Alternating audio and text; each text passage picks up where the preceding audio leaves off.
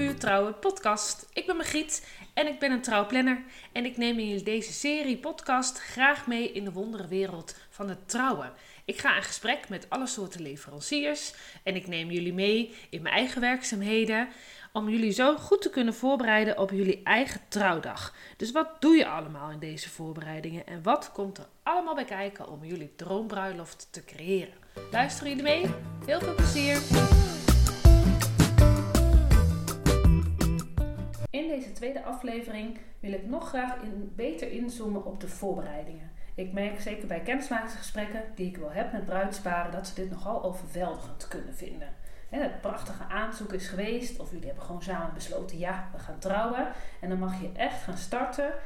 En dan denken ze: oké, maar hoe? En waar? En met wie? Nou, daarin wil ik jullie graag bij deze aflevering verder op weg helpen.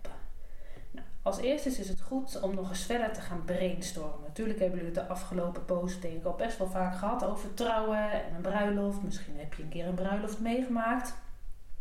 Maar ga nu nog eens goed zitten en ga ieder op zich vertellen aan elkaar en ook al aan jezelf. Hoe ziet je dag er nou echt uit? Wat vind je ook heel belangrijk? Maar ook wat wil je absoluut niet? Die zijn ook altijd heel goed om te weten. Vervolgens ga je verder naar kijken naar het budget. Wat hebben jullie er voor over voor de dag? En hier ook goed kijken uh, naar wat je ook heel erg belangrijk vervolgens vindt. Want dit geeft dan ook weer een soort prioriteit aan je budget. Dus waar wil je wel wat meer geld aan kwijt en waar kan het misschien op bezuinigd worden? Natuurlijk is het lastig hè, vooraf, want je hebt geen idee wat de prijzen zijn in de trouwwereld. Maar het is wel goed om toch een soort eindbedrag te hebben waar je binnen wilt blijven. Nou, vervolgens heb je door die brainstorm al best wel een globaal idee met elkaar hoe de dag eruit gaat zien. En dit is goed om dit verder uit te gaan werken. Dus wat betekent dat dan? Wat voor type locatie jullie mooi vinden?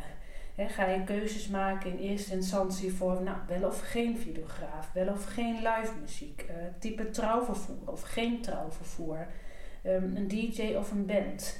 Nou, op basis daarvan kun je dan vervolgens uh, als vierde stap een planning gaan maken. Een voorbeeld van planningen kun je wel vinden op uh, informatie op de website of bijvoorbeeld bij de website van de Perfect Wedding.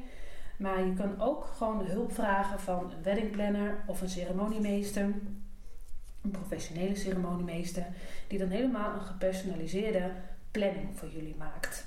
Dus die gaat dan ook echt weer met jullie globaal jullie dag doornemen. Wie je dan wil hebben op de dag, wie een rol kan krijgen op de dag. En die gaat het dan helemaal uitwerken voor jullie van nu tot aan jullie trouwdatum. En dan kunnen jullie daarmee vervolgens aan de gang. Dit is dan een hele mooie leidraad voor jullie. Het biedt overzicht en het geeft ook rust. Want je weet gewoon, we gaan aan alles denken en ook nog eens een keer op tijd. Nou, en dan kunnen jullie vervolgens aan de gang op basis van die planning.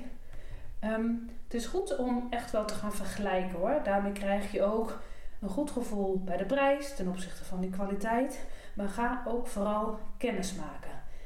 Heel veel trouwleveranciers, een fotograaf, een trouwambtenaar, een videograaf, een professioneel ceremoniemeester.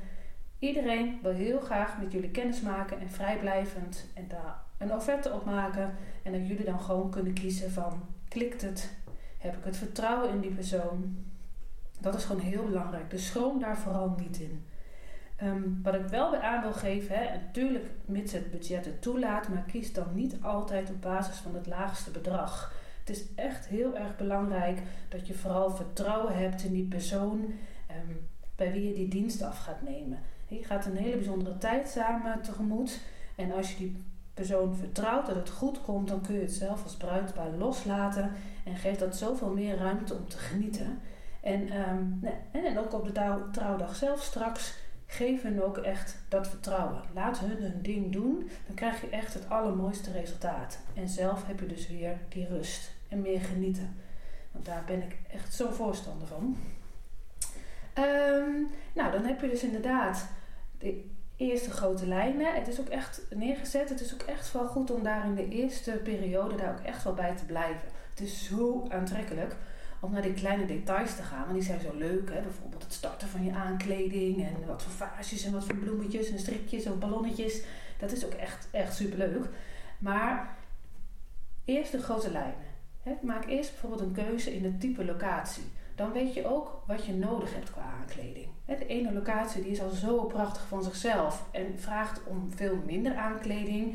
En de andere locatie is vrij kaal en kan juist met aankleding echt helemaal fantastisch worden. Dus eerst die grote lijnen. Wat ook goed is om bij de leveranciers na te vragen wat hun planning is. Dus ga je die trouwjurkleverancier bellen, vraag dan wanneer je op ongeveer eh, een goed moment is om de allereerste passessie in te plannen.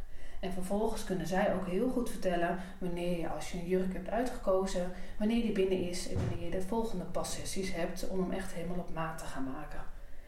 Dit kun je dan ook weer verwerken in die planning waar je al, die je al hebt. En zo merk je dat je stap voor stap eigenlijk ook steeds meer bij die details gaat komen, waardoor die dag gewoon ook steeds completer wordt. Dus je hoeft daarin dus ook niet alles zelf te bedenken, maar vraag het ook gewoon na bij de mensen die een rol hebben op jullie dag en wat hun planning is. Ja, en wat ik ook heel erg kan, ja, kan adviseren is blijf ook echt heel erg bij jullie zelf. He, zoals jullie het willen op die dag. En zo kun je er ook achteraf, blijf je dan er echt gewoon heel erg goed op terugkijken en heb je ook geen spijt van had ik nou toch maar. Dus niet volgens de verwachtingen van anderen, maar blijf gewoon heel erg bij jezelf. En ik vind het ook, die voorbereidingen, um, nou, waar we nu dan in gaan zitten, dat moet ook echt een feestje zijn. Het is het toeleven naar jullie dag, het is het verheugen naar jullie dag. En op deze manier ben ik er echt van overtuigd dat je alleen maar meer kan genieten, ook op de dag zelf, maar ook heel erg goed kan nagenieten. Ik hoop dat jullie hier wat eh, aan hebben gehad. En uh, nou, je kunt altijd gerust contact met mij opnemen als je vragen hierover hebt of als je benieuwd bent hoe zo'n planning dan werkt. En dan neem ik jullie in de volgende aflevering mee, stap voor stap, per leverancier en per onderdeel van de dag gaan we daar nog een keer weer de diepte in. Dankjewel voor het luisteren naar deze aflevering van Puur Trouwe Podcast. Nou, ik hoop natuurlijk dat je het heel erg leuk hebt gevonden en vooral ook heel erg waardevol. En als dit nou inderdaad zo is, dan zou ik het wel heel leuk vinden als je een review zou willen achterlaten. Dan kan een ander bruidspaar mij ook weer beter vinden en kan ik hun ook weer inspireren. Abonneren zou natuurlijk helemaal tof zijn, dan mis je helemaal niks. En willen jullie nou nog meer informatie vinden over mij en mijn werk? Dan kunnen jullie kijken op mijn website van puurtrouwen.com en anders mijn socials. Hier vind je trouwens ook nog een link naar mijn gratis e-book in 10 stappen naar je droombruiloft. Nogmaals bedankt en heel graag tot de volgende keer.